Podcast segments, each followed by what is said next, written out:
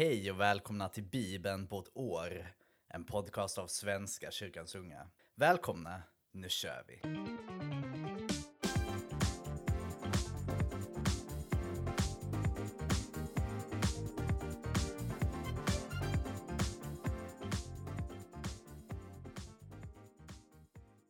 Vi ber. Tack Gud för idag. Tack för den kärlek du har för oss denna måndag. Tack för ny kraft, ny energi. Ge oss ett hopp om framtiden. Var med oss hela denna veckan. Låt denna veckan få fyllas av kärlek och glädje till dig och till varandra och till skapelsen, Gud. Var med oss denna vecka. Och var med i veckans bibelläsning. Och idag speciellt idag. Tack Gud. Amen. Ja, vi börjar i Andra Kungaboken kapitel 8, vers 1 till kapitel 9, vers 13. En dag sade Elisha till kvinnan vars son han hade väckt till liv igen. Flytta ut ur landet med hela din familj och slå dig ner var du kan. Ty Herren har kallat på hungersnöden och den ska bli kvar i landet hela sju år. Kvinnan följde gudsmannens råd. Hon tog sin familj med sig och flyttade till filisternas land. Och där stannade hon i sju år. När de sju åren hade gått kom hon tillbaka från filisternas land. Hon gick till kungen och vädjade om hjälp att få tillbaka sitt hus och sin åker. Kungen samtalade vid det tillfället med Gehazi, gudsmannens tjänare. Han bad honom berätta om alla de underverk som Elisha hade gjort. Och just som Gehazi berättade för kungen om hur Elisha hade uppväckt en död kom kvinnan vars son Elisha hade väckt till liv och vädjade till kungen om att få tillbaka sitt hus och sin åker. Herre konung, ropade Gehazi. Där är kvinnan och där är hennes son som Elisha väckte till liv. Då började kungen fråga ut kvinnan och när hon berättat allt för honom skickade kungen med henne en hovman och sade till honom Se till att hon får tillbaka all sin egendom och all avkastning från sin åker från det hon lämnade landet ända till idag. Elisha hade kommit till Damaskus. Där låg arameernas kung Ben-Hadad sjuk och man berättade för honom att gudsmannen var i staden. Då sade kungen till Hasael Ta med dig en gåva och sök upp gudsmannen. Låt honom fråga Herren om jag kommer att bli bra från min sjukdom. Hasael gick för att söka upp Elisha. Han tog med sig en gåva och lät lasta 40 kameler med allt det bästa Damaskus kunde erbjuda. Så kom han och steg fram inför Elisha och sade Din son Ben-Hadad, arameernas kung, har sänt mig till dig. Han frågar om han kommer att bli bra från sin sjukdom. Elisha svarade Gå och säg till honom. Ja, du ska bli bra. Men Herren har uppenbarat för mig att han kommer att dö. Gudsmannen stirrade framför sig, stel av skräck. Till slut brast han i gråt. Varför gråter du, herre? frågade Hasael. Elisha svarade, därför att jag vet hur mycket ont du kommer att tillfoga israeliterna. Du kommer att sätta eld på deras befästa städer, döda deras unga män med svärd, krossa deras barn och skära upp deras havande kvinnor. Hazael sade, hur skulle en hund som jag kunna utföra sådana bedrifter? Elisha svarade, Herren har uppenbarat för mig att du ska bli kung över Aram. Hasael lämnade Elisha och när han kom tillbaka hem frågade hans herre vad Elisha hade sagt. Han sade till mig att du kommer att bli bra, svarade Hasael. Men nästa dag tog han Ben Haddads täcke, doppade det i vattnet och lade det över hans ansikte så att han dog. Hasael blev kung efter honom. Under Jorams, Achavs sons, femte regeringsår i Israel blev Joram, Josafats son, kung över Juda. Han var 32 år då han blev kung och han regerade åtta år i Jerusalem. Han följde de israelitiska kungarna i spåren som Achavs familj hade gjort. Så var han också gift med en dotter till Achav. Han gjorde det som var ont i Herrens ögon. Ändå ville Herren inte utplåna Juda för sin tjänare Davids skull. Han hade lovat honom att en lampa alltid skulle brinna för hans efterkommande. Under Jorams tid lösgjorde sig Edom från Judas överhöghet och tog sig en egen kung. Joram drog upp till Sair med alla vagnstrupperna.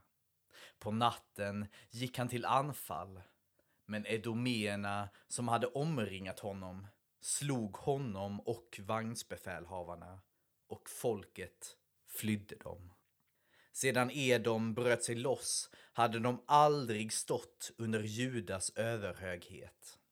Vid samma tid lösgjorde sig också Livna. Jorams historia i övrigt, hans bedrifter, har nedtecknats i krönikan om Juda kungar.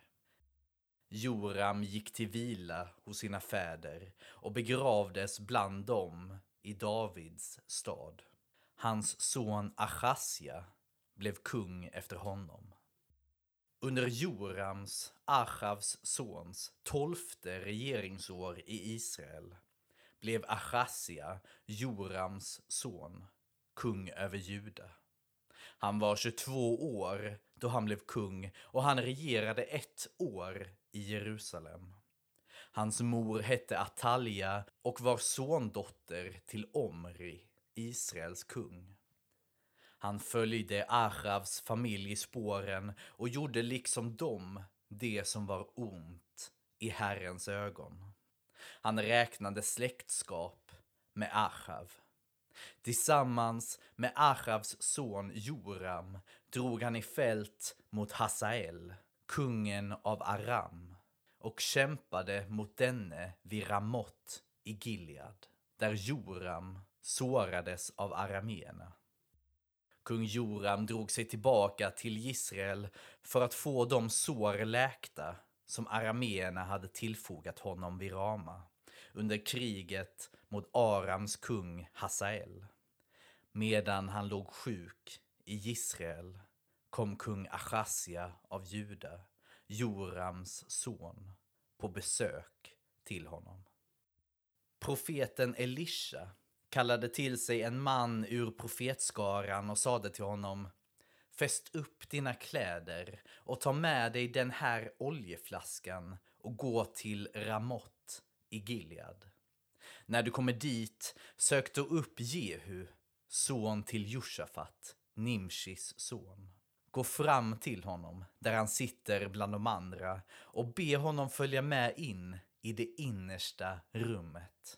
Ta sedan fram flaskan och häll oljan över hans huvud och säg Så säger Herren. Jag smörjer dig till konung över Israel. Sedan ska du öppna dörren och springa därifrån så fort du kan. Den unge mannen, profetens tjänare, gav sig iväg till Ramot i Gilead. Och när han kom fram fann han de högre officerarna sitta där. General, sade han, jag har ett ärende till dig. Till vem av oss? frågade Jehu. Till dig, general, svarade han. Då reste sig Jehu och gick in i huset. Den unge mannen hällde oljan över hans huvud och sade Så säger Herren, Israels Gud.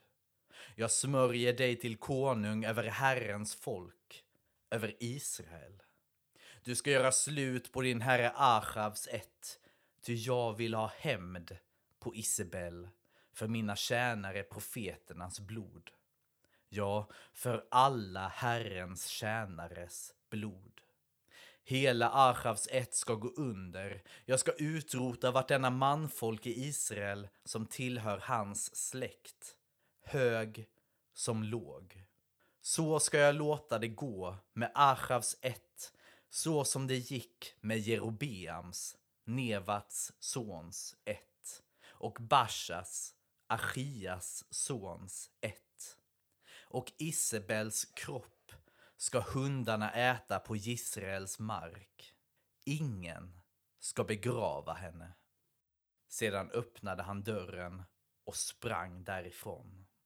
När Jehu kom ut till de andra officerarna som var i tjänst hos hans herre frågade de honom Är allt väl? Vad ville den där galningen dig? Jehu svarade ni vet ju själva hur en sån där människa pratar.